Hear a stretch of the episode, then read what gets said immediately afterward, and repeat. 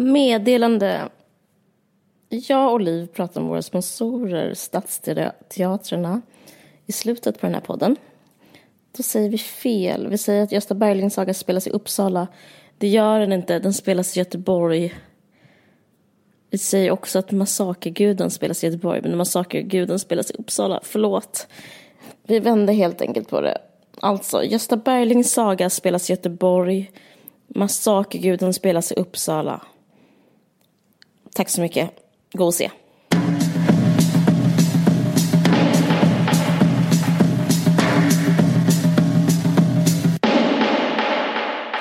Hallå! Hallå där, hallå där, hallå där.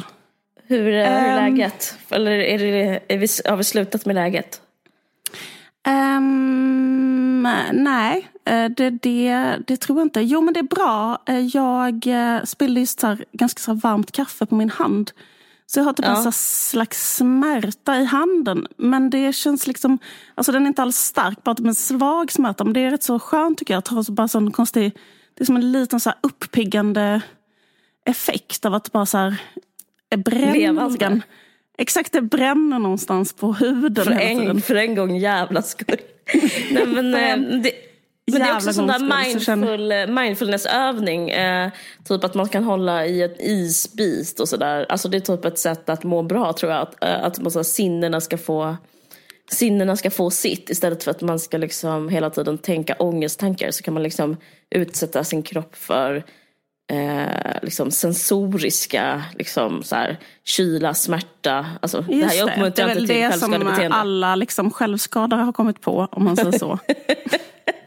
De Det gör hemversionen. lifehack. Ja men precis. Så är jag, det. jag, jag har den milda versionen av det nu i alla fall. ja. Men hur mår Men du? Jo men jag mår bra. Jag, har, Mm. eh, jag känner mig, eh, jag vet inte, alltså jag har varit vaken, alltså jag har typ så här dygnat typ flera nätter på grund av eh, min dotter har antagligen, jag tror det, jag- identifierar det som nattskräck eller, bara, eller trotsåldern eller självständighets, eh, vad heter det, projekt kanske Mm. man kan kalla det.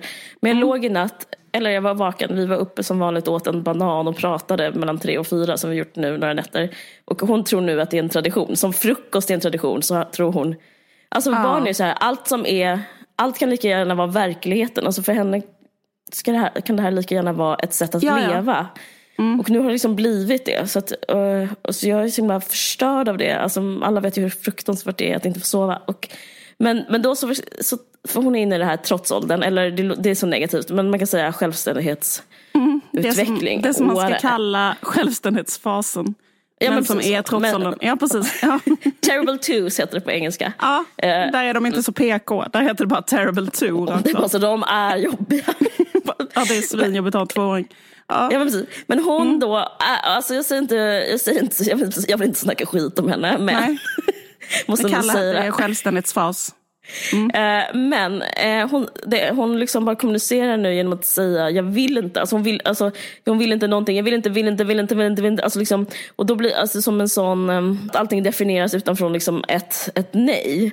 Och, Ja. och jag vet inte om jag var så här, du vet, det är mitt i natten, man är flummig typ och ligger, alltså det är lätt att bli lite filosofisk på natten. Så jag låg och tänkte jättemycket på det här och började liksom, på, eh, liksom komma till, ett, till en punkt där jag började tycka det var vackert. Jag bara hörde henne sån här ekande, jag vill inte och så här skrikande, jag vill inte. Och så fick jag en slags insikt. Nu vill jag be ursäkt på förhand för det är så präktig insikt. Men jag blev, blev ändå så stolt över henne. Och jag tycker bara så himla... Jag bara undrar, för jag tänker på det här med utbrändhet. Det är ju så himla vanligt med utbrändhet just nu. Bland kvinnor. Alltså det är 90 procent som är, eh, som är kvinnor som är utbrända. Så finns det en sån sjukstatistik. Sjukskrivna ökar jättemycket.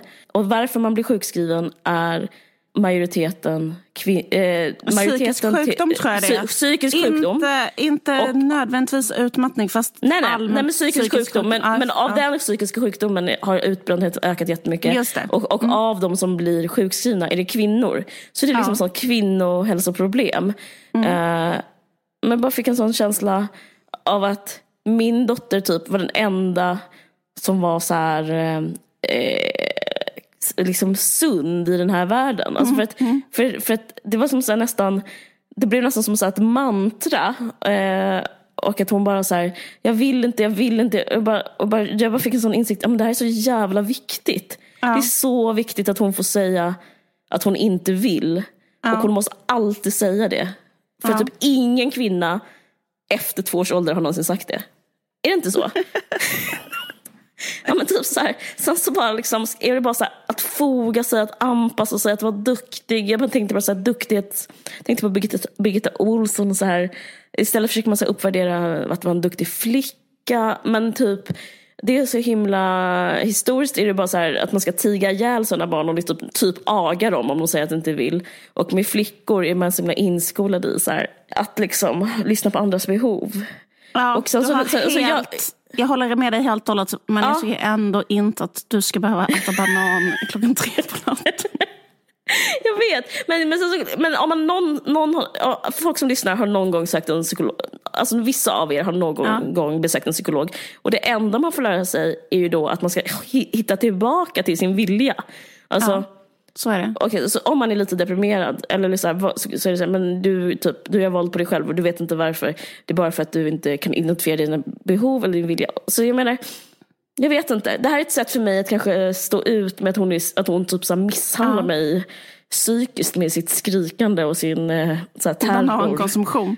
Ja men precis, varenda natt. Men, eh, men eh, jag vet inte, det, jag blir hjälpt av det i alla fall. Jag vill bara säga det. Ja. Att man kan tycka det är så här lite, lite vackert att, att, typ, att en flicka skriker att hon inte vill. Det var så okej det var kanske lite flummig vibb på mig, jag kanske var halvsovande. Men du förstår, förstår du vibben Ja, ändå? Det var rätt så absolut. härligt. Ja, det var, det Ja. var fint. Det har du Ja. rätt. Ja, Okej, det har hänt mig. Så nu är jag svintrött så jag ber om ursäkt allt jag säger från och med nu.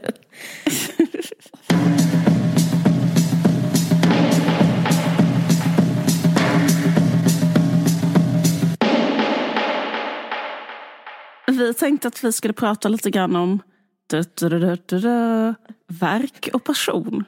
Ja, verk och person. Och det, filmen Solsidan, men den kanske är lite för svår för mig nu i mitt tillstånd. Men vi försöker.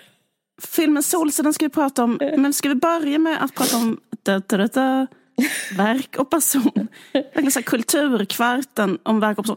Nej, men alltså det, har ju, det känns som att eh, debatten om verk och person, den är ständigt aktuell. Jag tycker Greta Thurfjell skrev en eh, en, en grej om det här i DN för, för några veckor sedan. Och då skrev hon ganska roligt så här, att eh, diskussionen om verk och person är som gymnasieintellektuellas teodicea-problem. Alltså att det alltid är något man alltid pratar om. Ja. Eh, så här, ska man skilja på verk och person? Eh, kan man det? Och så vidare. Men nu Det är har den, mysigt.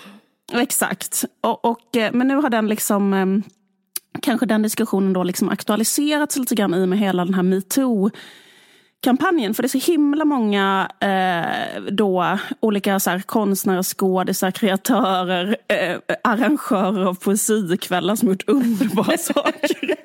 Arrangerat ett underbara poesikvällar. och sen har det visat sig att de var as. Eh, Ja. Och då väcks frågan, kan jag fortsätta?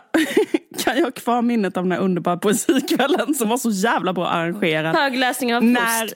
Betyder inte det något längre? Exakt, men alltså att man också njöt av att arrangemanget var så bra genomfört. Och kan man då... Nej. jag skojar bara, jag har aldrig varit där. Alla har sett mig fota på, på det här stället som vi pratar om forum.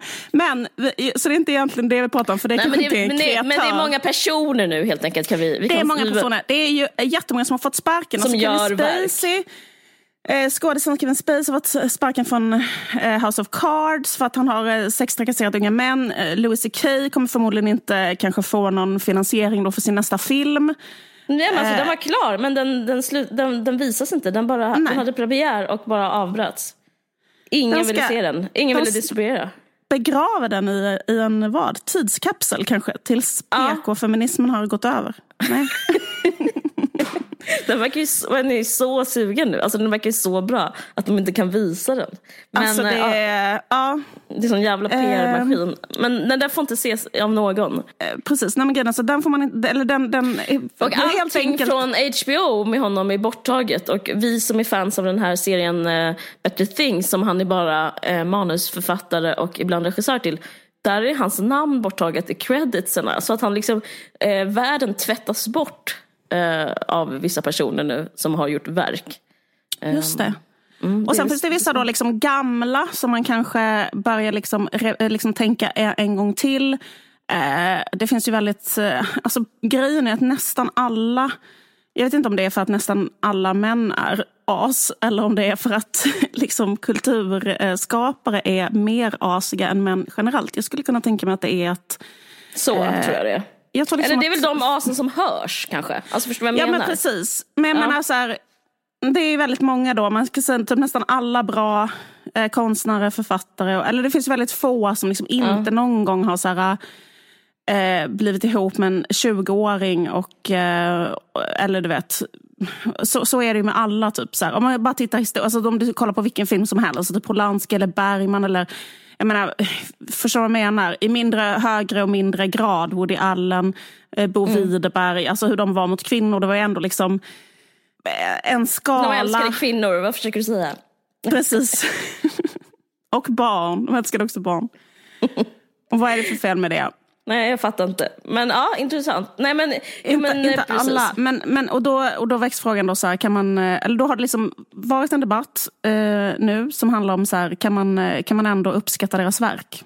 Fast den debatten har inte varit, jag, alltså det, anledningen jag vill prata om det här är för att den har varit för lite och det, det är en av våra favoritdebatter, det är väl fjärde gången vi kör eller någonting. Mm. Men eh, för jag tycker det intressanta just nu är att den debatten är att jag känner av en sån, ett, låtsas som det regnar-vibe kring själva Ja. Eh, för det, det är som att så här, kulturen och kritiken och civilisationen, den delen som handlar liksom om så här, konst och kultur och kritik, den liksom delar vissa så här, grundvärderingar. Och då är det, en av dem har varit, upplever jag nu, rätta mig om jag har fel, men upplever jag att det har varit verk och person i olika saker. Det är ja. liksom sån, en klassiker. Ja så här, det kör vi på. Liksom. Det är det, man har liksom, det är det som är svaret på frågan. Svaret. Här, kan man skilja på verk och person? Svaret ja. då är ja. ja. Precis, ja. ja. Men sen så det här med, sen så, eh, sen metoo, eh, denna eh, vad ska man säga, alltså, denna fantastiska rörelse. Sen mm. den liksom har rullat in som en, eh, något underbart, liksom, eh, fantastiskt så har den liksom, debatten, eller den frågan, har liksom bara sprungit och gömt sig. Och istället, jag upplever som eh, kanske bara en klick eh, liksom clickbait-samhälles eh, yttring. Eller vad ska man mm. säga? Alltså någonting som är alltså, ren och skär populism kanske man kan kalla det. Så har den här gamla ståndpunkten som har varit hela ryggraden för hur man ser på modern, eh, en modern konstsyn helt enkelt. Den har verkligen eh, den har, den har försvunnit lite och den, i många fall där det skulle kunna vara intressant eh, med den typ av diskussion så har den inte un, infunnit sig. Och eh, det tror jag för att det är liksom för känsligt just nu. Alltså, för det, är för det är så viktigt det som har hänt. Alltså, det, är så, det är brott som har begåtts. Och därför är det lite så här, väger kanske lite lätt att börja prata om verk och person.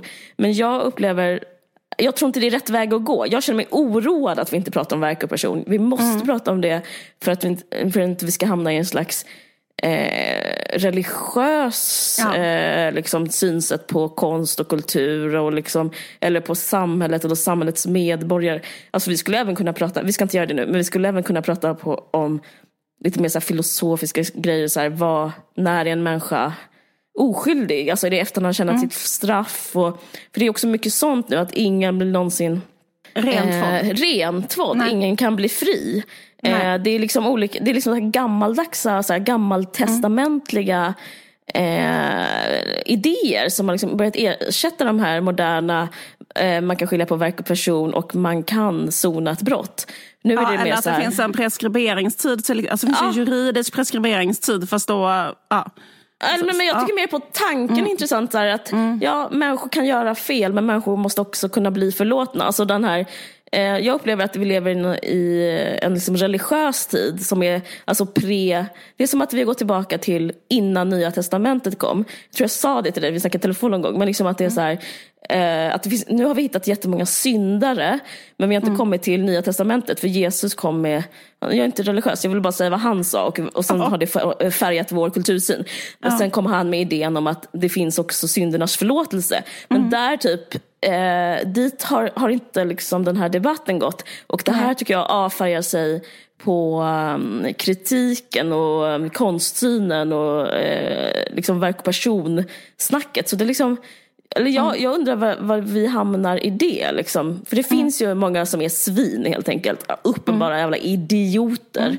Och nu är ju lösningen, till exempel om man kollar på HBO. Mm. Då ska de eh, stenas. Mm. Eller vad man ska säga. Då ska Louis CK inte finnas. Nej. Det går ju inte ihop med verk och person. Nej.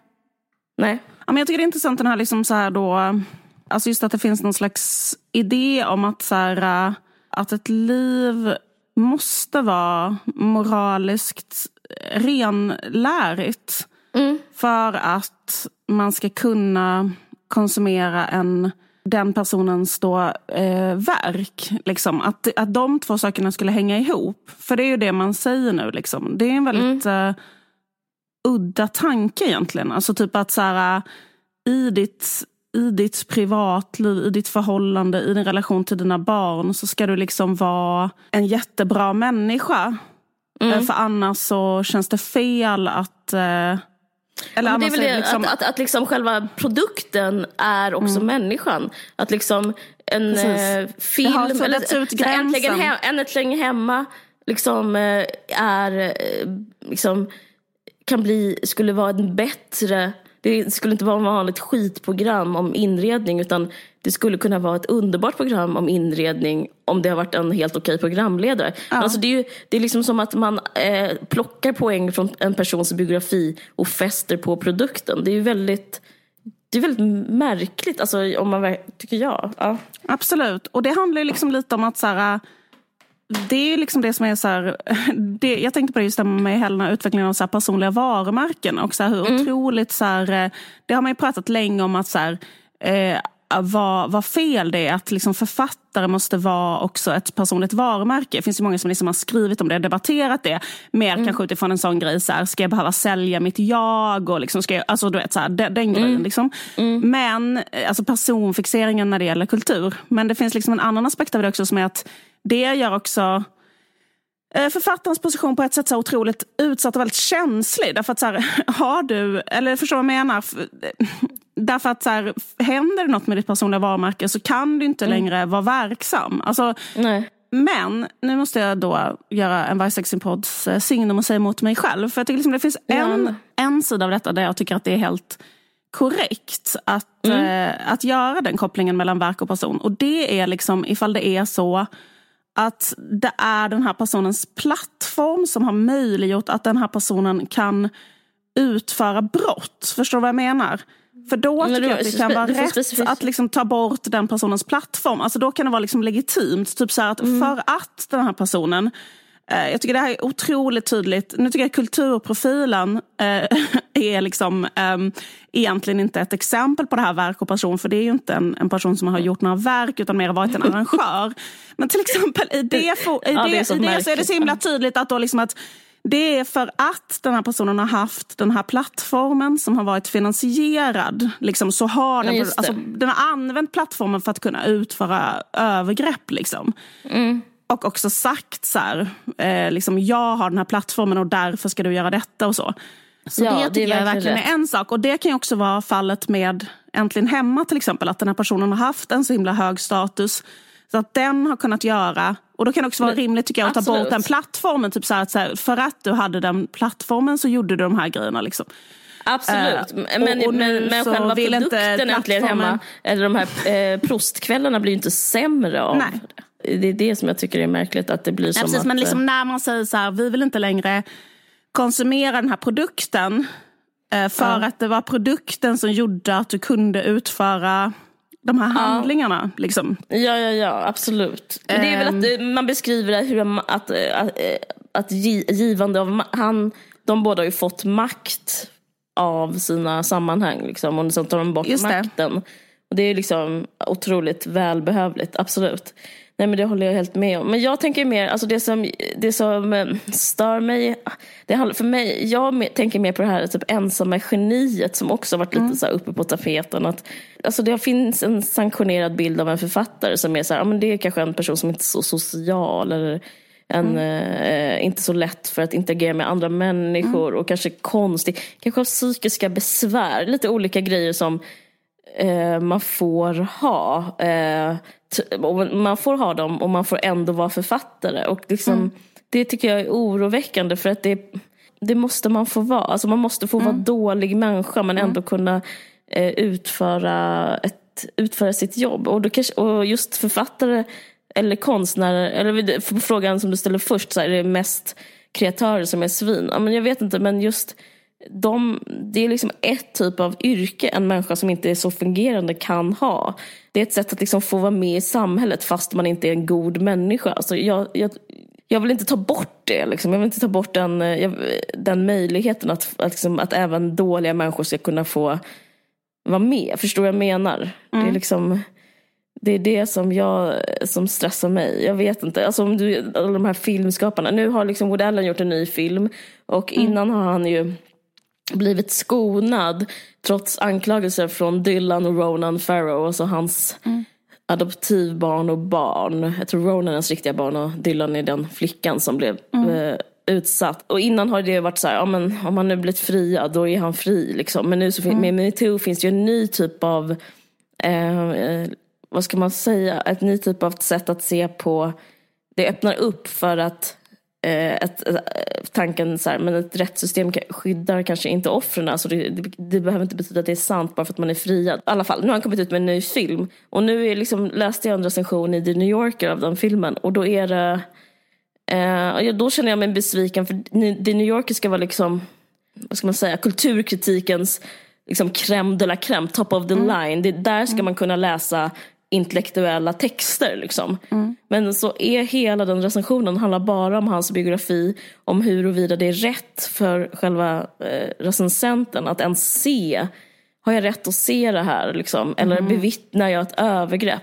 Och så går han igenom sina gamla upplevelser i en fantastisk film som heter Fruar och äkta män med Angelica Huston bland annat. Så är, spelar Woody Allen en person som har en bra, ett bra förhållande med sin systerdotter. De går och ser gamla Groucho Marx-filmer på bio. Hon är typ en tween som är, vill inte gå i skolan och de så här spenderar eftermiddagarna genom att gå och se på svartvit film. Och då så typ skriver han väldigt vidrigt den här recensenten om att det är ju också ett övergrepp. Det är, alltså, hur kan han ens göra en sån scen? Alltså, helt, helt, helt asexuella scener som han nu, med, i och med Woody Allens biografi, alltså att man, som man, att man slutar skilja totalt på verk och person, utan han plock, plockar liksom sidor från Woody Allens liv. Eh, han är ihop med sin adoptiv, det är ju sjukt, han är, han är gift med sin adop, adoptiv Exakt, det, och för att vara helt korrekt, eh, inte för att försvara Woody Allen, men det är ju inte hans adoptivbarn, utan det var ju hans eh, då, eh, frus eller flickväns, faktiskt särbos adoptivbarn. Men alltså det är ändå Han är ändå gift med henne, han, det är ändå sjukt. Alltså, han är ändå det- gift med henne, precis. Men han bodde ju inte med henne och var ju inte hennes adoptivpappa, utan det var ju hans tjejs adoptivbarn. Hur som helst, men det, men det som är grejen att då så tolkar den här recensenten, alltså Woody Allen som är en av vår tids största filmskapare, han tolkar in det äktenskapet i gamla filmer från 80 och 90-talet om att det är egentligen övergrepp vi bevittnar. Eh, och, och det, jag vet inte. Jag vet inte. Nej, jag, vill det- inte jag, vill inte vara, jag vill inte vara där i kulturen. Alltså det är liksom Nej. inte... Jag, jag måste säga en sak som, eh, som gammal feminist. Ja. För att jag tycker att eh, alltså, så här, det är väldigt många som liksom har börjat få feministiska tankar de senaste åren. Men jag tycker att jag kan ha en upplevelse för att jag har varit feminist så himla länge. så jag kan bidra med det perspektivet. Nej men förlåt, jag vill inte vara så snobbig. Men Nej men jag håller Typ så här- helt med. Ja men exakt, om man har varit feminist i så här 20 år, eh, vilket jag har varit. Nej men förlåt, men jag bara allvarligt. Nej, jag, jag började vet, tänka men på jag detta vet. för så jävla länge sedan. Ja. Då är det för mig en så jävla främmande diskussion att, liksom, att nu titta på kulturen och säga så här. Oj, eh, vad jobbigt det är att kolla på Manhattan nu när vi känner Ja. till Woody Allens biografi. För de som inte har sett den ska säga att det handlar om en eh, äldre man som blir ihop med en minderårig tjej som går på fortfarande går i skolan. Alltså hon är, hon kanske är 17 Hon är filmen. 17, spelas av Mariel Hemingway. Ja. Precis, i alla fall. Då skriver man nu så här, åh vad konstigt det är att titta på den här filmen där en medelålders man har ett sexuellt förhållande med en minderårig, när man vet Woody Allens biografi. Så här. Eller så här, kan vi titta på denna filmen och, och fortfarande liksom uppskatta den så? Därför att så här, för, för mig så är det så jävla främmande, typ hela den här grejen att man liksom tittar nu på så här, kul- kultur som självklart är väldigt sexistisk och har skapats inom ett så här patriarkalt paradigm. Där äldre män, regissörer, är de enda som har fått göra filmer. Och de har handlat om till exempel deras sexuella begär till unga kvinnor. Alltså kvinnor har alltid spelat vissa roller. Jag menar, är du feminist så är detta ditt förhållningssätt till kulturen. Att så, här, så ser i princip all liksom, klassisk kultur. Eller, man ska och- faktiskt gå så långt väldigt- att det är ditt förhållningssätt till livet. Att liksom, Nej, men alltså, ja, jag menar, det är mitt förhållningssätt till livet. Eller så, det, det, är liksom, det, det är så det det är- ser att ut. vi lever i ett patriarkat och det bio- finns uttryck Exakt, för och det är ett liksom. patriarkat. Alltså, så här, när du går på bio så är det en sån film du ser. Då, liksom, vad jag menar? Då är en kvinna med för att hon är snygg. Eh, sen, eh, eller du vet, så här, med väldigt få undantag. Gud Så ja. är det hur kulturproduktion, all kulturproduktion ser ut. Gud ja. jag det, det är en man Och- som liksom får vara en, eh, Ja. eh, får bli kär och i Ja. typ ett vackert objekt och eh, han får ha jättemycket känslor och hon får vara ett Exakt. objekt. Alltså det, det är liksom, Precis. Ja, Liksom det är en så- del av patriarkatet. Nej, Ja. men det är så du liksom, det, det är så allting liksom be, beskrivs och ser ut runt omkring dig. Du tittar på reklam, det är en jättesmal tjej som är jättesnygg. Alltså, det, alltså, så här, det, det, är liksom så, det, det är så allting är, liksom är gjort.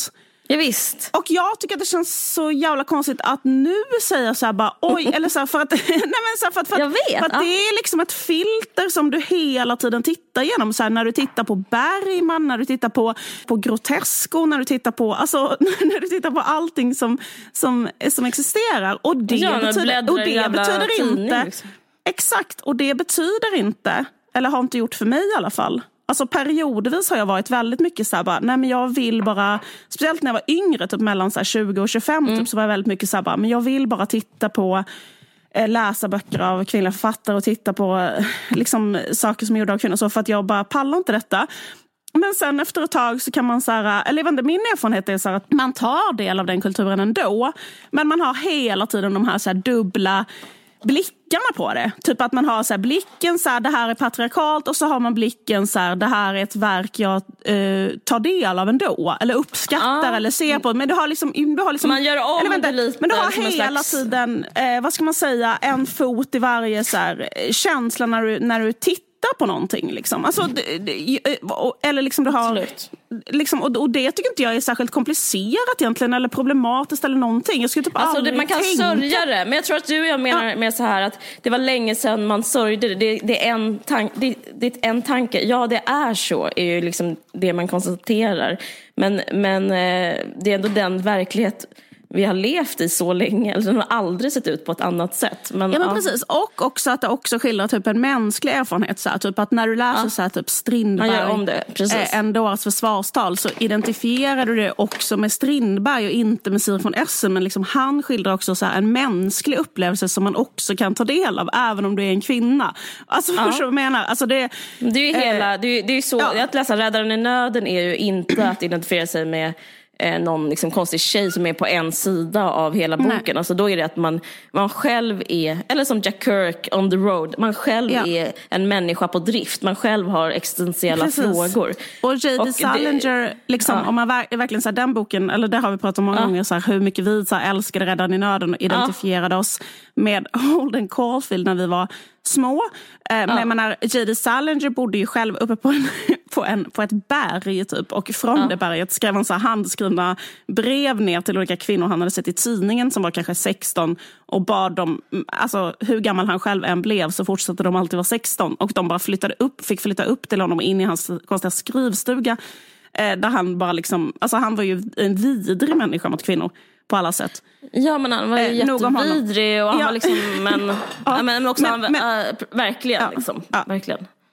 Men, Men han kan ändå ha men- men bidragit till någon slags frigörelseprocess, faktiskt till och med i liksom ens eget, liksom, vad ska man säga, feministiska eller upp, eh, liksom självständiga hittandes av sin egen röst. Eh, I alla fall i mitt fall, jag ska inte prata för dig. Så, men, jo, men fast han är en total idiot, alltså typ läskig. Men, men det som är grejen är att det är, vi måste ju kunna liksom eh, hålla de två eh, tankarna i huvudet samtidigt. Alltså, Ja, vi har i alla fall varit är, så är, det illa för tvungna. är det för Jag- högt eh, krav att ställa? Liksom? För nu känns det som att Ja. folk bara... För mig handlar det, inte, handlar det mycket om, om så här, det är ju, vad är alternativet? Alternativet är ju att man inte får ta del av kultur. Då får man Mm. liksom sitta liksom, ensam i en... Um, alltså, I och med att verkligheten ser ut på ett visst sätt så Mm. har, har vi varit så illa tvungna att eh, kunna ha två tankar i huvudet. För att Mm. annars blir livet väldigt torftigt och det blir ännu mer liksom, att kultur är till för män. Alltså, man skulle Mm. kunna se det som en, en aktiv handling att få ta del av någonting. Alltså också inte, att inte skriva sig ut utan istället så här, försöka vara, eh, se sig själv som att tillhöra kan vara ett sätt att, att inte låta män få hela kakan. typ. Men, eh, nej, men jag vet, men det är intressant nu. Men det, är bara för, det, det jag upplever det här, jag sa om så här, ny, gamla testamentet, det är att vi har gått tillbaka så långt. Allt har blivit så här fundamentalt och grundläggande liksom nu. Det är som att vi inte kommit till nästa tanken. Alltså det du beskriver nu, med den här nya, det är som att en ny tideräkning har börjat där folk inser att vi, att, eh, eh, vi lever i en sexistisk värld och i ett patriarkat. Så att liksom, då ska man den här tanken, den kommer komma om 30 år, kommer typ folk vara mogna för den. Just nu är det bara liksom en slags alla har fått ett feministiskt uppvaknande och alla är i det stadiet att de är jättearga. Liksom. Alltså det är så, Ja, det är det är så grovt på något Precis, sätt. en, en annan sak som jag tycker är, är gammaltestamentlig, det här är liksom synen på så godhet och ondska. Så här, att man Mm. ser dem så här, som, som väldigt så fasta, essentiella identiteter. Liksom att så här, nu, nu, nu är Louis CK till exempel ond. Ja. Och därför kan inte han vara med så i... Eller liksom på, på en Ja, man eftertext. Eller hans, hans gamla- film kan inte visas och så. Och, då, och, sen så, och det också sätter ju en väldigt obehaglig, har en obehaglig eh, motsida, nämligen att eh, eh, alla andra är goda, eller att de som inte har gjort det är goda. Typ till exempel alla kvinnor är goda, eller liksom hela den grejen. Det är inte det svårt att vara liksom kvinna nu för tiden. Nu är det liksom jättehöga aktier. det, det är jättehög, men vi vet ju alla Ja. att det inte stämmer. Utan att till exempel vi, eller förstår du vad jag menar, du och jag också är så här eh, onda människor. Eller, liksom, eller du vet att alla är ju det. Eller, så Ja. alla, eller liksom att speciellt alla som eller, vet, eller gör fel hela tiden, eller maktmissbrukare, eller är as, eller på olika sätt. Eller, vet, så, det, så, ja, så är det ju. Folk som utforskar sitt ego på olika sätt. Liksom. Det är så Exakt. nära till... eh, Precis, exakt. Och, och liksom... ehm, Eller jag tänkte på det, för det var, vi, vi, eh, eller jag läste en, en artikel i eh, Huffington Post som du eh, länkade till mig och sen har inte du läst den. Men det, det är Paris Review, det är inte Huffington Okej, Post. för, förlåt. okej. Paris Review. The Paris Review of den- Books. En blogg där som... Precis. Just Why det. Men, vad fan heter den? Förlåt att jag inte läste den. Jag, Nej, det gör ingenting. Jag kan berätta för dig vad det stod. ond. What do we do with the art of monstrous man heter den. Och den är skriven av en, av en tjej som jag inte kan uttala hennes efternamn. Hon heter Claire Dederé. Dederer. Eller Dederé. Kräv franska. det Claire Dederé. I alla fall. What do we do with the art of monstrous man? Hon ställer sig frågan. Men det som är intressant med den artikeln tycker jag är liksom att på slutet så liksom vänder hon det till sig själv och är så bara, är jag också ett monster? Därför att hon pratar om så här, det som liksom väldigt många människor till exempel så sa faktiskt Leif GW Jag har faktiskt läst Persson slutet. Mm. Leif GW Persson sa detta en gång när jag var med i Babel samtidigt som honom. Då sa han så här, eh, författare är inte goda, är inte, eh, typ en författare kan inte vara också en snäll människa eller, sånt där, eller god. Liksom. Att de två sakerna är liksom oförenliga. Eh, eh, och sen så sa eh, och sen sa han lite senare så här, du är snäll eller sånt där, till mig på ett sätt som tolkades av vissa Du är dålig. eh, lyssnare som inte så, så här, du är en jättedålig författare.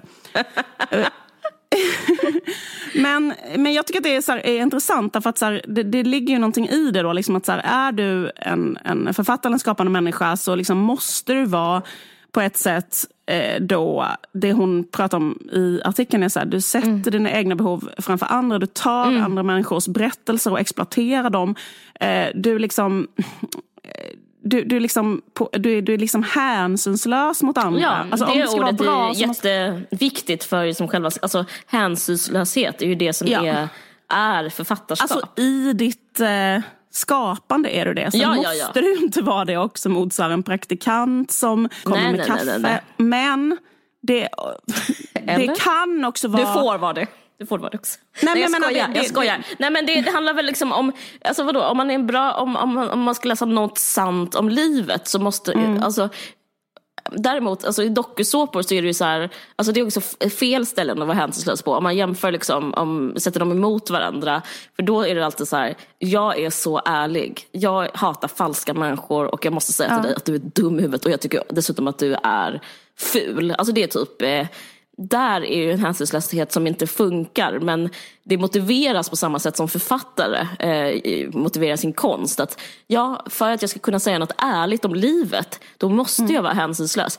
Men det, är ju liksom, det finns ju en plats och tid för allting och eh, kanske konsten är den platsen. Och så tycker jag det är ganska intressant för att jag gör ganska mycket så här, typ då, vad ska man säga, så här, elak, alltså så här, elaka saker om folk jätteofta i mitt ehm, eh, yrke. Om man kallar det jag gör för så här, satir, typ så här, bara i olika form säger så här, jättetaskiga formuleringar om folk. Eller du vet så här.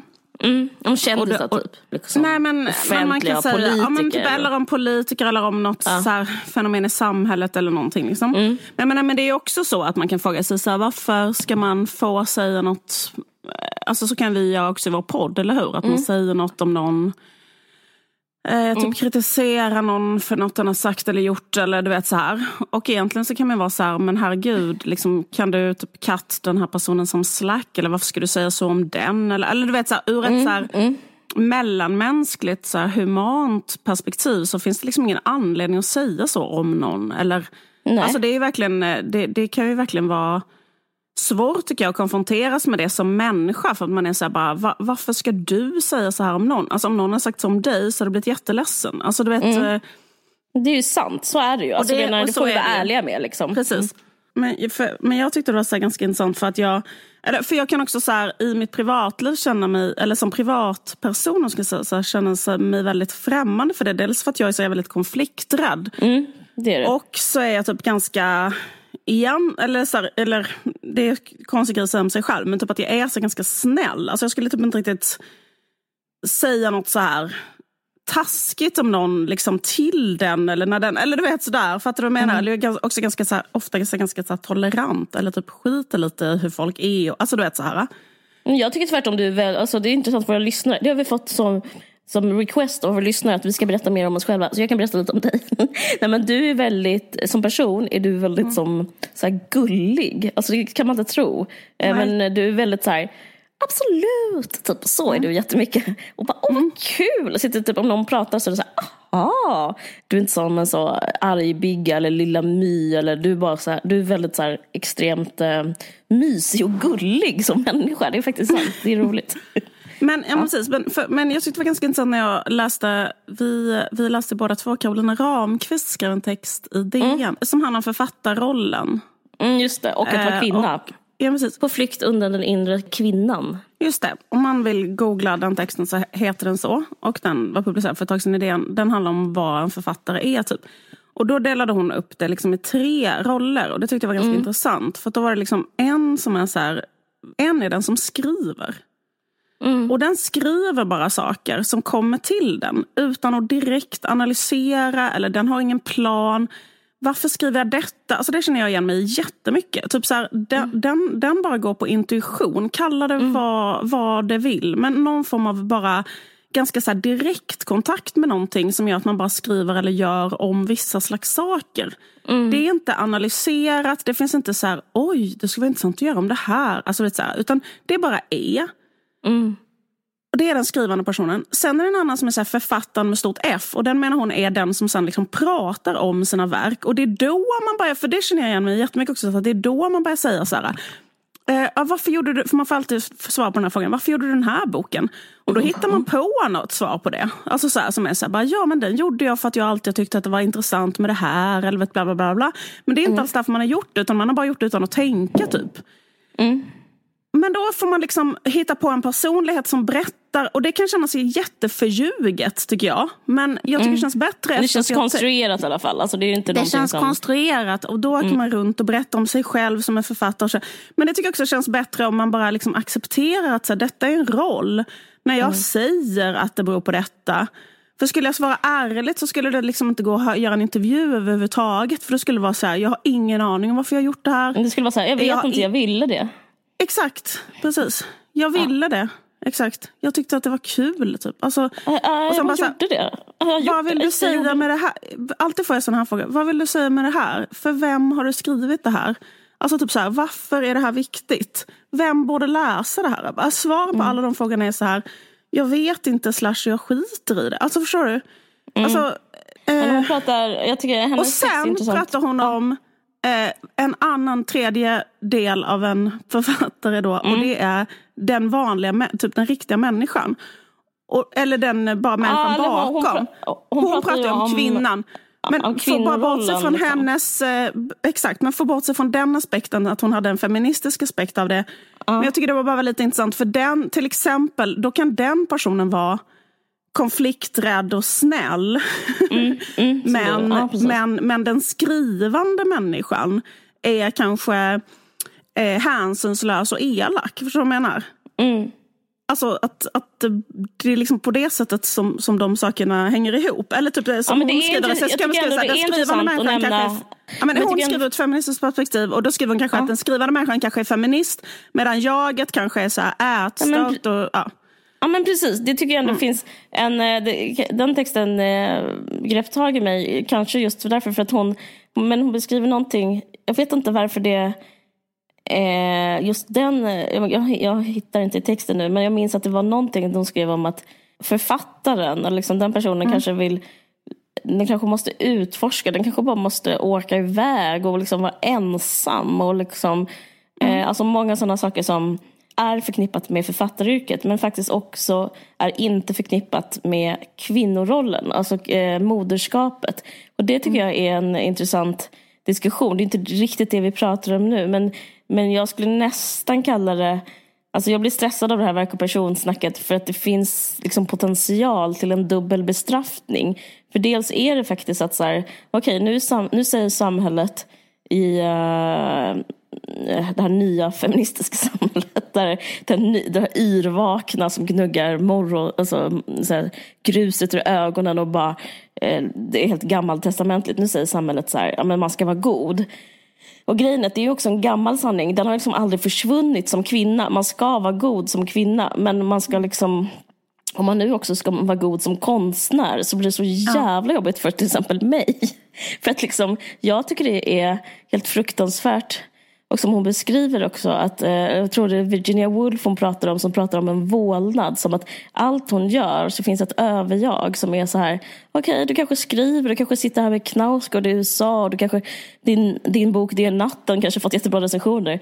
Men eh, typ, vad har du på dig och eh, hur mår dina barn? Typ? Mm. Det är ju det enda som är viktigt. Alltså så är det ju att vara kvinna. Och, eller så mm. känner jag i alla fall, jag vet inte om du kan mm. känna igen dig i det. Att man kanske har ett underbart projekt och ändå ser det som att man kan bli helt plötsligt mätt och uppmåttad faktiskt av sig själv. För det är oftast en inre röst som är internaliserad som är så här, du måste vara en god mor framför allt. Eh, så upplever jag att så är det att få barn, alla som inte fått barn. Så det är så här, ja, man, man kan alltid göra fel för att man, mm. för den, den sekunden man blev mor, då har man en möjlighet att bli otillräcklig. Och grejen är att det, är liksom, det blir så himla lager av att vara författare eller att vara kvinnlig konstnär. Och särskilt nu eh, om vi ska leva i den här tiden av att att till och med konstnärer, för det, hon beskriver ju ändå, det här är pre-metoo, hon beskriver ändå mm. att författaren får åka iväg på en resa till Mexiko mm. eller var hon är, New mm. York. Liksom. Men nu är det ju så här, inte ens författaren får det. Alltså förstår du vad jag menar? Man bara, nu är det typ ja. typ att man ska vara så här god eh, och, och, annars blir ens verk sämre. Och man ska hårdra det mega mycket. Men ändå Absolut. lite åt det hållet. Liksom. Men jag tycker det är jätteintressant. För det är liksom också så här, jag tycker också det finns någonting som jag vänder mig mot väldigt mycket. Liksom som eh, marxist höll jag på att säga. Alltså, Varför inte? Verkligen så här, why men, the hell men, not? Ja. men, why the hell not? Liksom. Men jag menar, så här, mm. Just därför att så här, mm, det här med personlig moral. Mm. Det är också ett så här, förljuget sätt att se på så här, godhet och ondska. Alltså det finns en mm. aspekt mm. som är personlig moral, mm. men det är inte allt. Men så här, det som du pratar om nu, som jag tycker så jävla, det var jävligt intressant och jättebra uttryckt av dig tycker jag. Det här liksom att nu finns ett krav att vara en god konstnär. Alltså, det, alltså om du är konstnär, du är konstnär men du måste också vara god. Mm. För att liksom, det kravet har ju funnits länge alltså, på som till exempel kvinna. företag. Jag, ja. Som kvinna, när jag tänker på företag, till exempel, ja, just, att, just. Att, att, att, du ska vara god. Typ så att, äh, att de håller på, det, det är därför de sparkar företrädare som har, eh, alltså typ TV4. Mm, äh, TV4 måste vara äh, goda. Mm. Liksom. De, de har ju en, en godhetspress på sig. Liksom, att jag, vi, mm. vi, ska vara goda, vi ska stå för goda värderingar. Det kan vara antirasism, det ska vara att det inte ska finnas sexuella trakasserier. Du vet, olika sådana där saker. Mm. Nolltolerans mot rasism har de också, alltså om avdelning LOL. Men skit i det, det är en annan diskussion. Mm. Jo, jo, alltså alltihop är ju avdelning LOL. Nej men förstår vad jag menar? Jag vet, men har du Därför sett, en, har du sett en men, person som inte är vit där i rutan någon gång? Jag bara Nej men och grejen att det spelar ingen roll heller. nej, för att de nej, hade kunnat ha vet, människor av olika hudfärg mm. att göra. Liksom, eh, eh, för att liksom poängen Mm. Eh, är att liksom, eller du vet, eller, eller liksom ett för, ja, men precis, eller jag menar att, mm, eh, att, att, alla, att, att, att ett företag säger att de är goda och de gör det med det tredje, men, men, men det spelar liksom ingen roll för att deras, liksom, hela, hela situationen är att de exploaterar andra människors arbete för att så här, kapitalägare ska göra vinster. Alltså förstår du vad jag menar? Och nu den, är du bara taskig. Nej, skojar. Nej, jag vet. Men du beskriver och kapitalismen. Det är det som är, absolut. Ja, men det är det som är liksom, eh, alltså, fundamentet då för... för hela, alltså, Onödigt alltså, av dig. Jag vill liksom men, inte ja, leva i en sån typ så här, nyliberal värld där vi så här, stryker hela det och, och, och, och liksom slutar diskussionen med att allting handlar om så här, människors privata moral. Typ, så här, är du god? Vet, Går du runt och är god? Sjukt. Du är liksom en god människa. Typ den här människan är ond. Den här, alltså, så här, det blir väldigt, väldigt... Eh, och sen så skrattar eh, liksom, så här, vdn hela vägen till banken Va? om vi har den diskussionen. Alltså, det är helt... Ja men precis. Och mm. jag menar, nu hade vi en diskussion, alltså, typ, de pratat mm. jättemycket nu om eh, Svenska Akademins makt och sådana saker. Mm. Och, det, och det kan vi prata om, absolut. Men grejen är att om vi ska vara helt, helt, helt, mm. helt, helt ärliga. Mm. Så är det så här, mm. Svenska Akademin har inte makt på det sättet nu fanns ett avslöjande till exempel om skatteflykt från Sverige där stora bolag eh, hade, mm. har alla sina pengar på Cayman Islands. Alltså menar, de människorna, alltså fattar du menar, de människorna har makt på ett sätt som mm. påverkar på riktigt våra liv. Och jag tror, eller liksom det är faktiskt också en sak jag kan vända mig mot, så här, liksom att, som jag också tror handlar, alltså det handlar också om så här, att det är väldigt mycket så här, kulturmedelklassens tolkningsföreträde och att det är kulturmedelklassen som har en röst i den här debatten. Så att kulturmedelklassen pratar väldigt mycket om problem som de själva har. Och vilka problem har vi, visa kulturkvinnor? Vi har problem med kulturmannen. Typ. Om vi går ut så finns det en kulturman där och det är vårt problem. Men, men, men det är inte, de var, det är inte liksom massans problem att de hela tiden stöter ihop med en kladdande kulturman. Utan det är de som skriver och de som har en röst. Det är vårat problem. Alltså ganska mycket. Liksom. Och det, det är också problem att inte... DN är självgod och inte tittar inåt.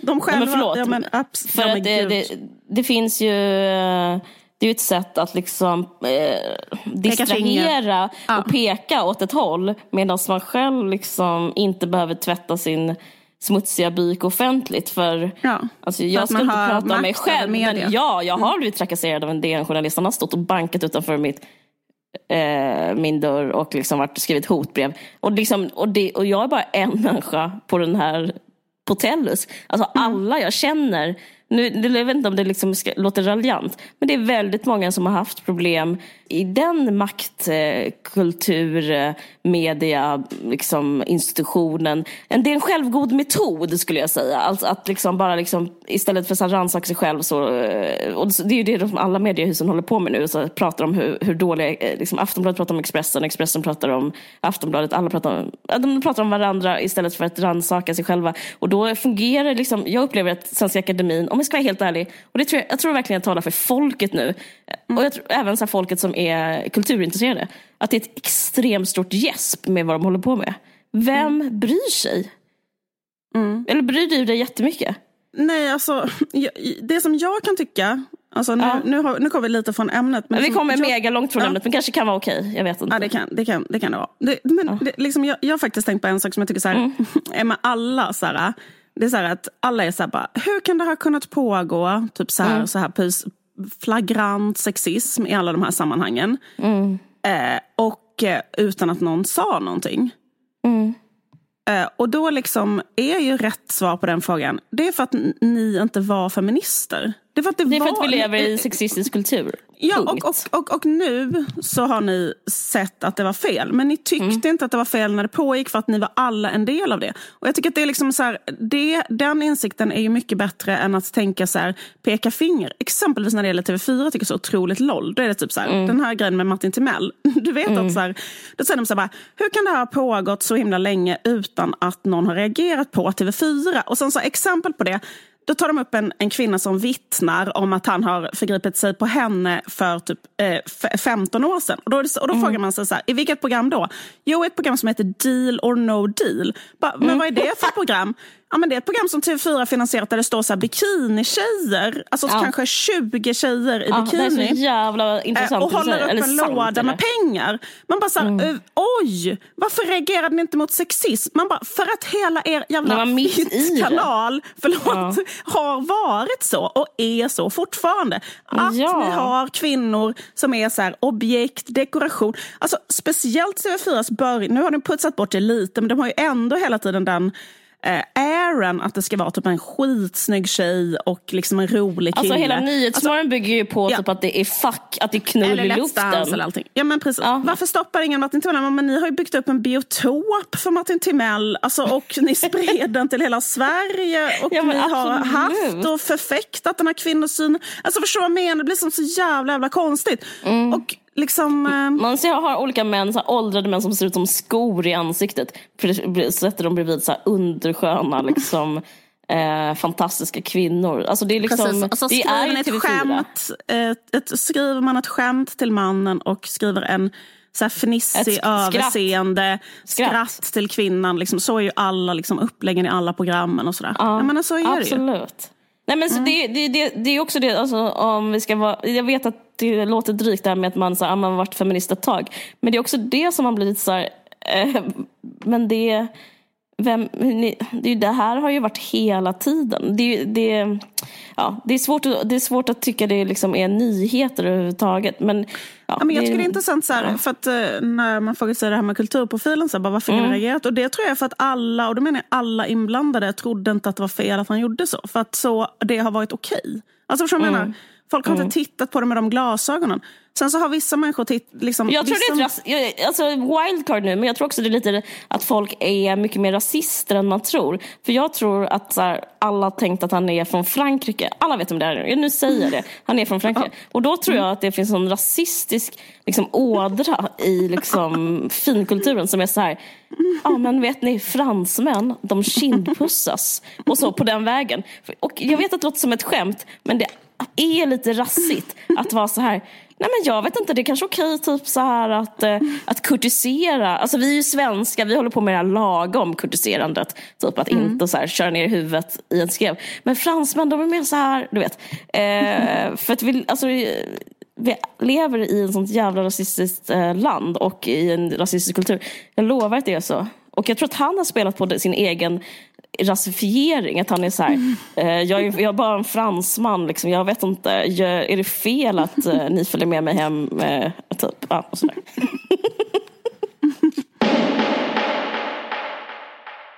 Jag vill bara säga, så att, jag, jag, vet inte om vi behöver säga det, men jag kanske ska ha en sån brasklapp.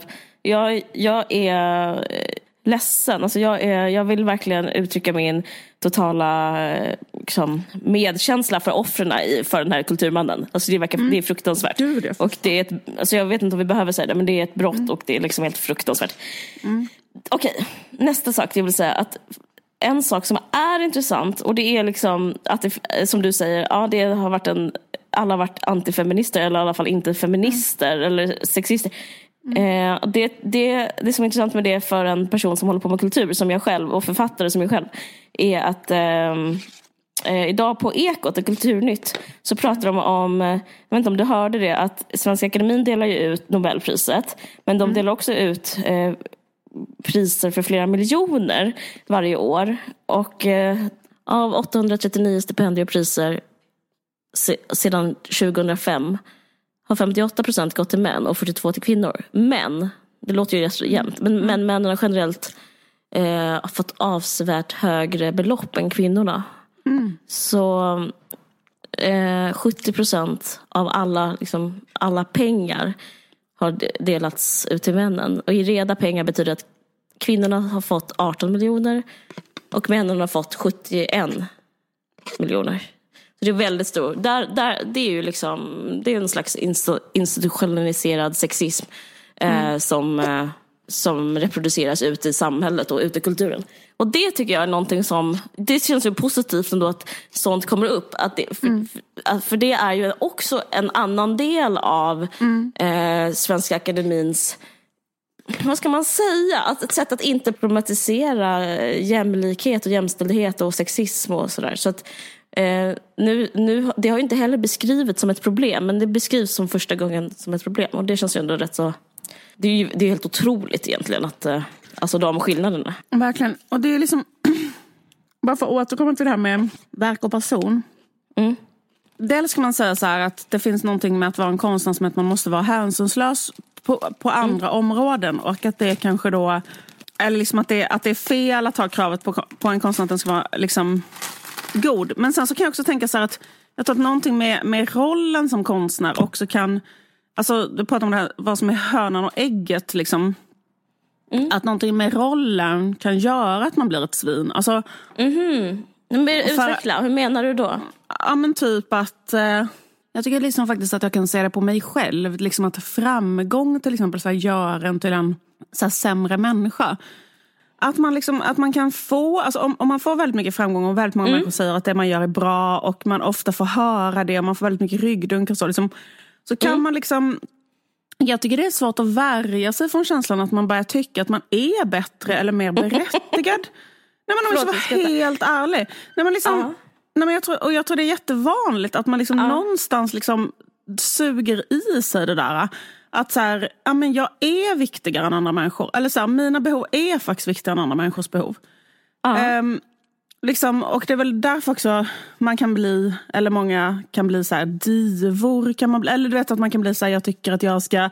Hur, eh, att vissa människor kan vara så att de aldrig kommer för sent eller att de aldrig tar eh, liksom en, en extra kopp kaffe när man inte får ta en kopp kaffe. Och, du vet, så här. och sen finns det vissa människor som alltid är så här, jag går alltid före i kön, jag tar alltid... Alltså, vet, så att man liksom, och jag tror att den, den känslan av berättigande, så här, typ att eh, om jag ska vara helt ärlig, varför svarar jag inte på det här mejlet? Eller varför kommer jag inte i tid till det här mötet? Om jag ska svara 100% ärligt på den frågan så är det så här, för att jag inte bryr mig om den andra personen. Alltså förstår du vad jag menar? Eller det kan också vara att jag inte har tid att svara på mejl. Men liksom att jag tycker inte att det är tillräckligt viktigt. Alltså jag tycker min tid är viktigare än den andra personens tid. Liksom. Ehm, till exempel. Och då, då, då tror jag också att det skulle kunna Men, och- men du, du fortplanta menar att det har sån kommit med om- åren, eller? Ja, det har kommit med...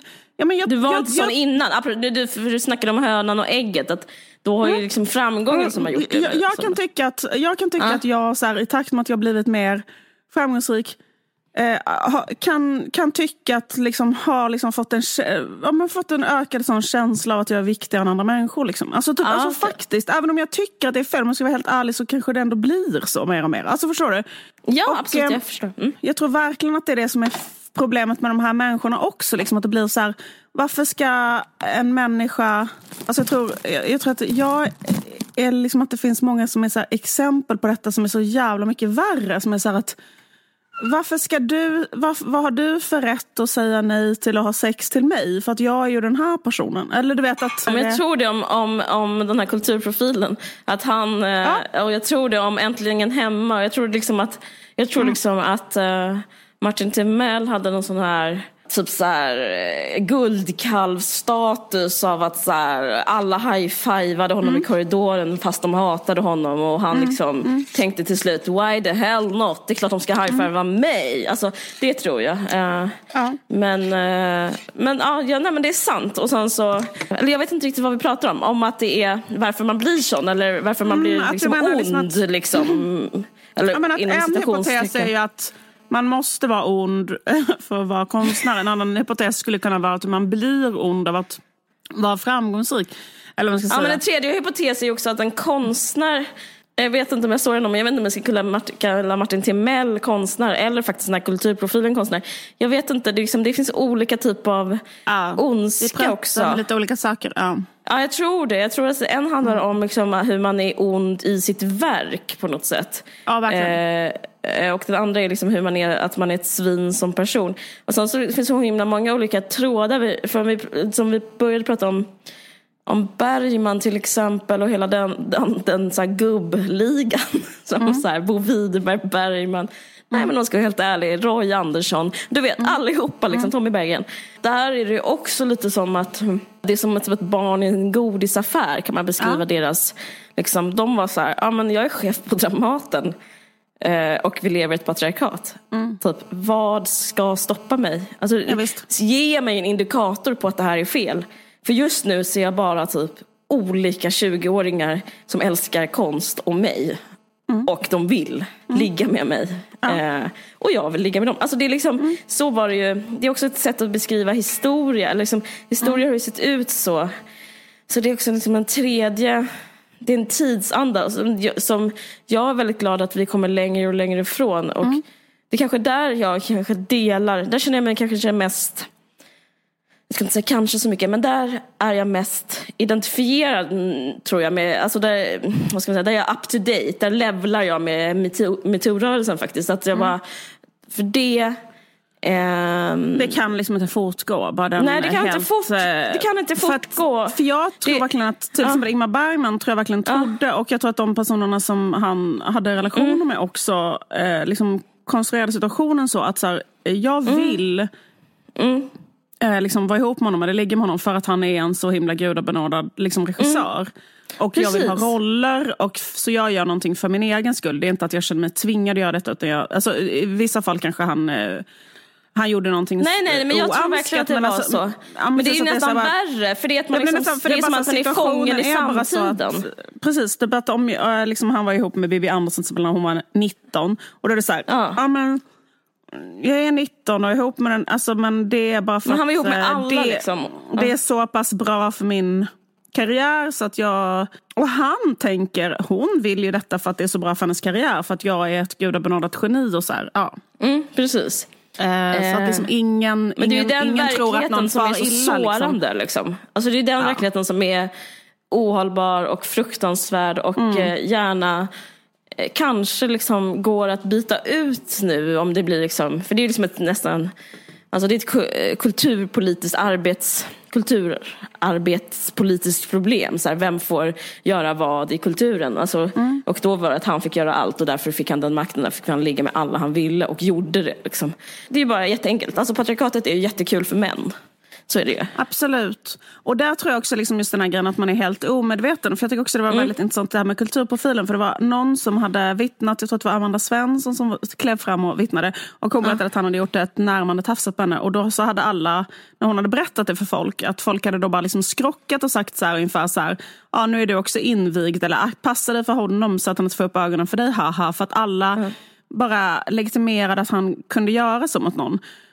Och det tycker jag, eller vittnar om det här att ingen tyckte att det var fel. Alltså ingen ens reagerade för att det liksom, och det är samma sak där med, liksom att nu, nu kanske då förhoppningsvis så kan det vara att folk då istället säger så här, det kan du polisanmäla eller du vet.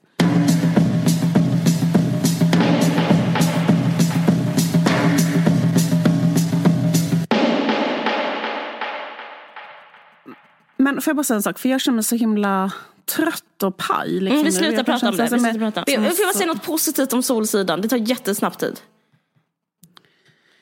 Jag hjälp, måste du säga något positivt om Solsidan? Ja men okej, säg det då. Nej, vi, nej men jag säger inte det. Men eh, jag kan... jo men säg det, säg det, säg det, säg det. Så här. Nej, men grejen är att vi har sett Solsidan och nu har vi pratat så mycket om det här så vi hinner inte snacka om det. Men Mm. eh, grejen är att jag tyckte den var väldigt bra. Jag, jag grät och jag skrattade när jag såg den. Men... Eh, Det här är så eh, kul, därför att så här är det alltid med dig. vad att- menar du? Det, Att, eh, att vi ska titta på någonting eller säga någonting om någonting som egentligen är dåligt. Och så säger du alltid så här, nej men vet du vad, det är bra. Men jag tycker nästan allt är bra. Jag tycker, eh, Men jag, lever, jag tror att jag också, mm, inte för att fla, flatter myself, men jag, är väldigt, eh, jag lägger till mycket själv. Alltså jag vet inte ens om produkten är så bra. Men jag, kan, jag har liksom en tendens att så här, Fylla ut? eh, fantisera och fylla Ja. ut. Och, mm. ja, när jag, jag grät när liksom det här gifta paret eh, som hade lite så här knaggligt i sin relation, alltså Mia heter hon, Skäringer och Felix Herngren. När de liksom återförenas och tittar på sina sovande barn. Det bara tyckte jag var så otroligt starkt. Typ om hur det är att vara förälder. Att då älskar man varandra när man ser sitt barn sova. Det är också för att barn är jobbiga och när de sover är de inte jobbiga. Men det var väldigt så här fint. Men, nej, men jag, vet, jag, jag ska bara säga en snabb sak, jag behöver inte prata om det. Men det som är bra, för jag tänkte så här, varför, för ja, du har rätt. Jag, det, det, den är liksom, det är inte highbrow, alltså det är, det, New Yorker kommer inte skriva om den här. Men poängen, men jag tyckte den var rolig och bra, men, det inte, men varför var den bra? Jag undrar det själv. Och det jag kommit fram till är följande. Jo, det är att så här, det går, jag har en teori. Sverige har inte varit med om krig sen, jag vet inte när, 100 år. Eh, 200 år. Förlåt. Förutom de trupperna som vi har i Afghanistan. Typ. Men okej, ja. Men fortsätt. Ja. Det var kul.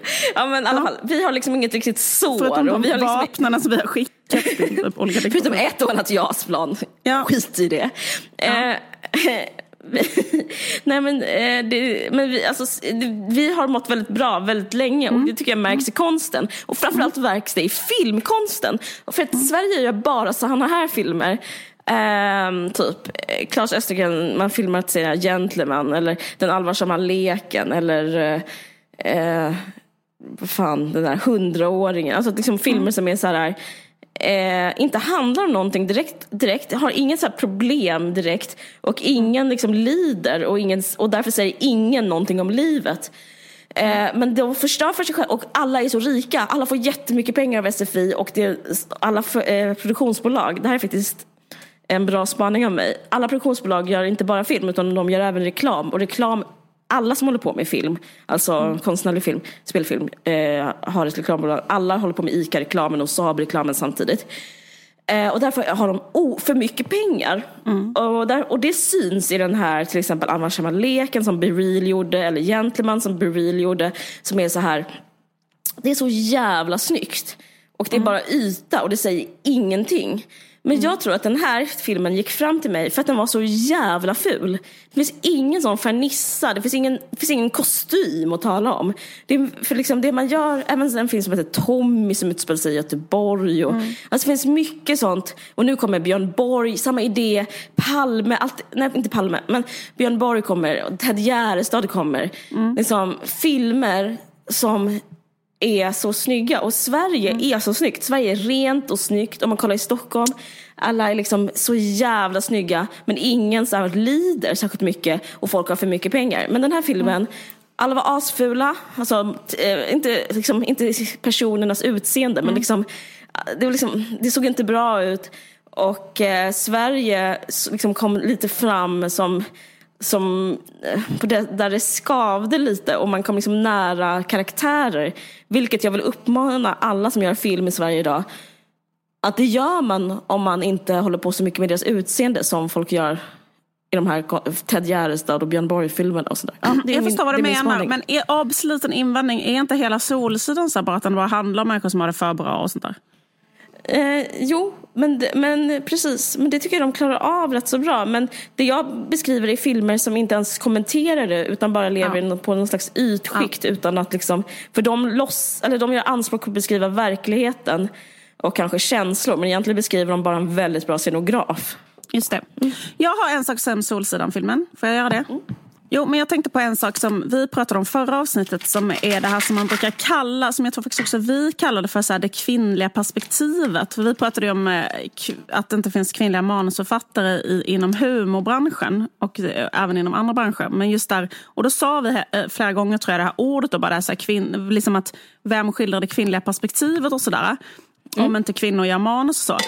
Och, och det är ju liksom ett lite så här tricky eh, uttryck. För att det kan ju också, eller vadå, vad är det? Förstår du vad jag menar? Är vi inte alla människor? Jag vet, väl men det liksom- får man väl gå med på bara. Ja men precis, men jag, menar, jag bara tänkte att det var intressant att liksom Ja, diskutera ja. så bara, vad är det kvinnliga perspektivet och vad är det manliga perspektivet? Alltså, Ja, liksom, det som är grejen är att man kallar det manliga perspektivet bara ett perspektiv, punkt. Och det finns liksom Ja, ingen det. eh, liksom grej, medan det kvinnliga perspektivet är då någonting liksom alternativt. För det jag tänkte på med just den här Solsidan-filmen är så att den utger sig för att vara en film, det finns liksom både kvinnliga och manliga karaktärer, liksom, det är lika många kvinnliga Mm. karaktärer och manliga karaktärer, kanske några fler manliga, men det är ändå liksom det är liksom en film som inte utger sig för att vara så här en killfilm eller så. Det är inte en killkomedi i stil Nej, med mjuk. någon, någonting med Seth Rogen. Eller vet, så här, där, där det liksom Mm. ska vara så här baksmälla-film. Eller det, så här, utan, och det är inte Mm. så här en tjejfilm utan det ska vara liksom en slags neutral film. Men jag tänker på så här, det var så intressant när man, när man tittar på den och tänker så för, eller, för jag tänker att den är liksom gjord väldigt tydligt så här, utifrån ett manligt perspektiv. Alltså Mm. att man säger så här, var komedin ligger. Liksom för vad, vad, vad är kul i komedier? Det är så här, ofta Mm. liksom att man skämtar om en smärtpunkt kanske. Där någonting, alltså där man känner sig som en failure liksom. Och eh, liksom att i den här filmen så handlar det om eh, olika par. Och då är det till exempel ett par där mannen och kvinnan har gjort slut. Och sen så blir kvinnan direkt ihop med en jätte, jättehunkig eh, extremsportare. Och där leker man ju med en slags eh, rädsla. Eller så här, kan min partner... Alltså det är ju en manlig rädsla, eller hur? Ett, eller liksom ett, ett, ett skräckscenario, liksom att jag blir utbytt mot liksom en svinhunkig... Eh, exakt, precis.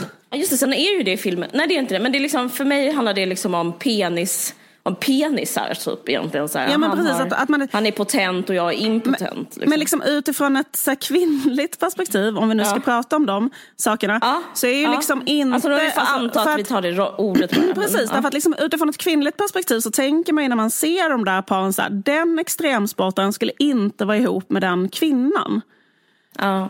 Alltså det hotet Man existerar tänker typ att han inte. skulle vara ihop med någon 20 år yngre Ja, person. ja. 30 Han, skulle år vara, yngre. han skulle vara ihop med hon i Turist, typ Fanny Metelius i Turist. Där finns det en sån extremsportare som är ihop med en 20-åring. Det är ett väldigt trovärdigt par. Exakt. Eh, alltså typ en sån typ av person. Han skulle inte vara inne i en sån eh, radhusfamilj och vara ihop med en tvåbarnsmamma. Och du vet, han Nej. skulle tycka att hon var alldeles för borgerlig och tråkig. Va, vad får han ut av henne? Alltså förstår du menar? Det känns Nej men det är väldigt otroligt. freudianskt. Det Och handlar den- just om Felix Herngrens ångest tror Ja, jag. men det handlar om ångest från liksom så här, och om man skulle skildra det ur en kvinnas perspektiv så skulle det vara att han, den här tandläkaren, blir ihop med eh, typ en yngre, jätte, alltså det är ju det som liksom kanske, liksom den, den rädslan. Att hon har mm. kanske blivit tjock efter förlossningen och... Eh, Pratar du om mig nu? Liksom att, eh, nej, men förstår vad jag menar?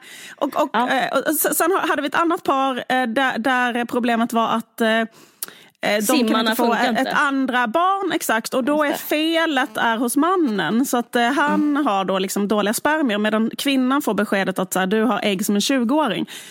Den rädslan är också så här, en manlig rädsla. Så här, bara, vi, vi kan inte få barn, då är det mitt fel för att mina spermier är dåliga. Däremot, Ja, det liksom, handlar om virilitet Precis, och man, däremot manlighet. I, exakt manlighet. Däremot i det kvinnliga fallet så är ju rädslan, alltså det är ju mycket mer reell och eh, rädsla som, som kvinnor, liksom rent biologiskt, det är inte rädsla utan det är en biologisk realitet, att, nämligen att kvinnor slutar vara fertila tidigare än män. Så därför har man en, ett disadvantage som kvinnor hela tiden förhåller sig till och laborerar med, som är att man inte är fertil lika länge och det gör att man inte är så här, lika attraktiv på en, på en liksom, köttmarknad. Och man, liksom, du, vet, du vet hela det här. Men det är ju inte med den rädslan utan det är då liksom den här eh, mannens rädsla. Och grejen är så här, jag säger inte att det är så här, jag säger inte att det är rätt eller fel. Eller jag säger inte att det är fel att göra en film som är så eller så. Bla, bla, bla. Men liksom att kvinnorna inte är, att kvinnorollerna inte är, eh, de är inte liksom eh, de är inte subjekten i, i berättelserna, eller vad man ska säga. Utan de är liksom projiceringsytor för liksom ett slags manligt perspektiv på ångest. Och, så här, och om man jämför det med till exempel Bridget Jones, som vi har pratat om innan den här Mm. podden så, så tror jag att Bridget Jones, liksom, eller det pratade vi om, att liksom, varför den filmen liksom slog så in i helvete då bland tjejer var att det var typ nästan så första gången som någon liksom inte skildrade en kvinna så som den skildras utifrån ett manligt perspektiv. Nämligen en så här omnipotent, kanske jättesnygg, kanske svår att få, kanske det bla bla. Utan skildrade mer kanske då inifrån en subjektposition, bara hur det känns. Jo, det känns så här att jag är tjock och för gammal. Och, liksom, alltså att den laborerar med sådana slags rädslor då, som hon har. Mm. Jag ska ge den sista singeln, jag kommer aldrig få barn. Du vet hela den här grejen. Men hennes att ångest de, helt enkelt. Precis, hennes, hennes ångest i förhållande till eh, liksom, det här samhället vi lever i. Och det är liksom basen för comedy. Så här, vi, vi tar upp den här rädslan och skämtar om Sen tycker jag också att Bridget Jones skitdålig. Du tycker också att den är jättebra. det är den här gamla traditionella grejen. Att du tyckte mm. att den var bra, jag tyckte den var dålig. Men grejen att, men det spelar ingen roll om det är bra eller dåligt. Det var bara så här, Nej, jag älskar film. Eh, ja, Stäm mig. Det skiter det liksom. Ja. ja, men det spelar ingen roll och jag säger inte heller ja. någonting om, egentligen om kvaliteten. Jag bara säger så här att... Men inte jag, jag heller. Inte, äh, nej, exakt. Det mig och dig. Att, precis. Men det som jag tyckte bara var så intressant är att liksom det här kall, att Bridget Jones kallas för liksom en tjejfilm men det här mm. kallas inte för en killfilm utan det här är liksom en universell film som ska mm. tillhöra båda. Men när man tittar mig ledsen, på det... du har så jävla rätt. Det är ju verkligen, Nej, men när man tittar ja. på det så är det inte det. Alltså det är, det är bara rakt av inte det. Exakt. Det är en killfilm. Nej men absolut. Ja, men det, är det, handlar, det är mega killfilm. Det handlar liksom om, om, om eh, det handlar om att Felix Herngren, förlåt nej jag ska. Nej, det handlar om en man som är rädd, ja. rädd att förlora sin heta fru. Precis. Nu har vi pratat så himla länge, eh, men det finns... Eh, vi kommer ha ett uppehåll eh, på två månader. Eh, ett jättelångt jullov. Ett jättelångt jullov. så att det här avsnittet kan man dela upp i tre om man vill. Ja. Eh, eller bara se det som en vår julklapp och nyårskaramell. Mm. Och vi är som jättetacksamma för alla kommentarer och alla mejl vi får och vi är jätteglada att just ni lyssnar. Jag, är jätte, ja, jag blir alltid jätteglad av alla, alla fina ord mm. och eh, önskar god jul och gott nytt år. Men vi eh, ska, får inte glömma att säga tacka dem som gör den här podden möjlig. Precis, och det är samma, samma tre stadsteatrar som har, eh, vi har haft samarbete med innan, nämligen Göteborg stadsteater, Uppsala stadsteater och Malmö stadsteater.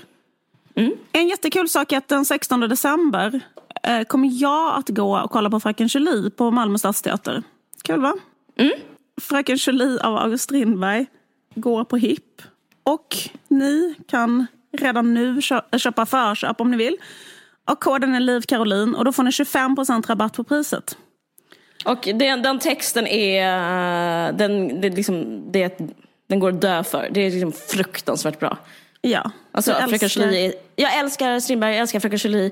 Jag älskar ja. också den eh, feminismen som eh, den sätter igång. De frågorna om liksom, eh, kvinnomakt och könsroller. Det, ja, det är helt är, fantastiskt. Helt otroligt. Ja, se den.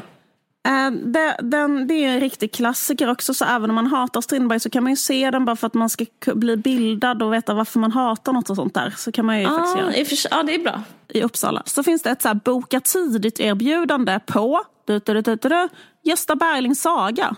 Ebba bara Busch. härliga... Exakt! Ebba Busch, vi tittar det på den. Ju... Ebba Busch bor ju till och med i Uppsala, eller? Kommer därifrån i alla fall. Ja. Och eh, hon skulle kunna eh, till exempel gå och se den. Ja. Det är jättehärligt. Det är liksom Sveriges andra då riktigt stora litterära gigant Selma Lagerlöf som mm. har skrivit den här underbara, eh, underbara boken. Som ehm, den är jättebra. Den är jättebra. Jag har läst, jag, er, jag erkänner, eller vad ska man säga? Jag, ehm, ja. jag har läst den. Du skryter. Jag skry, du, skryter du, kallas det. Oh, jag glömmer alltid, jag ja. glömmer alltid vad det heter. Men den är jättebra. Ja. Eh, och ja, det, alltså det är bara att läsa. Det är inget, bara, Precis. Eller gå och titta. Liksom, gå och titta. Exakt. Jakob Eklund är med, spelar djävulen. Adam Lundgren är Gösta Berling. Oh, han är så, han, jag älskar Adam Lundgren. I, I vår tid och nu är han så jävla underbar. Sexig. Just det. Och Anna von Hauswolf har gjort musiken. Så jävla härligt. Kan inte bli dåligt. Och det är premiär, det är premiär den 15 december. Också julfeeling, eller hur? Gå och kolla på Gösta Berlings saga. Mega jul. Mega jul. Otroligt mysigt. Och då är det också så, som vi har sagt innan, att eh, det finns studentrabatter på alla de här tre stadsteatrarna. Göteborgs stadsteater, Uppsala stadsteater och Malmö stadsteater. Så det är bara att gå in på deras hemsida och kolla vad det är för rabatt. Eh, och nu ska vi också rekommendera en, eh, en, en pjäs från Göteborgs stadsteater.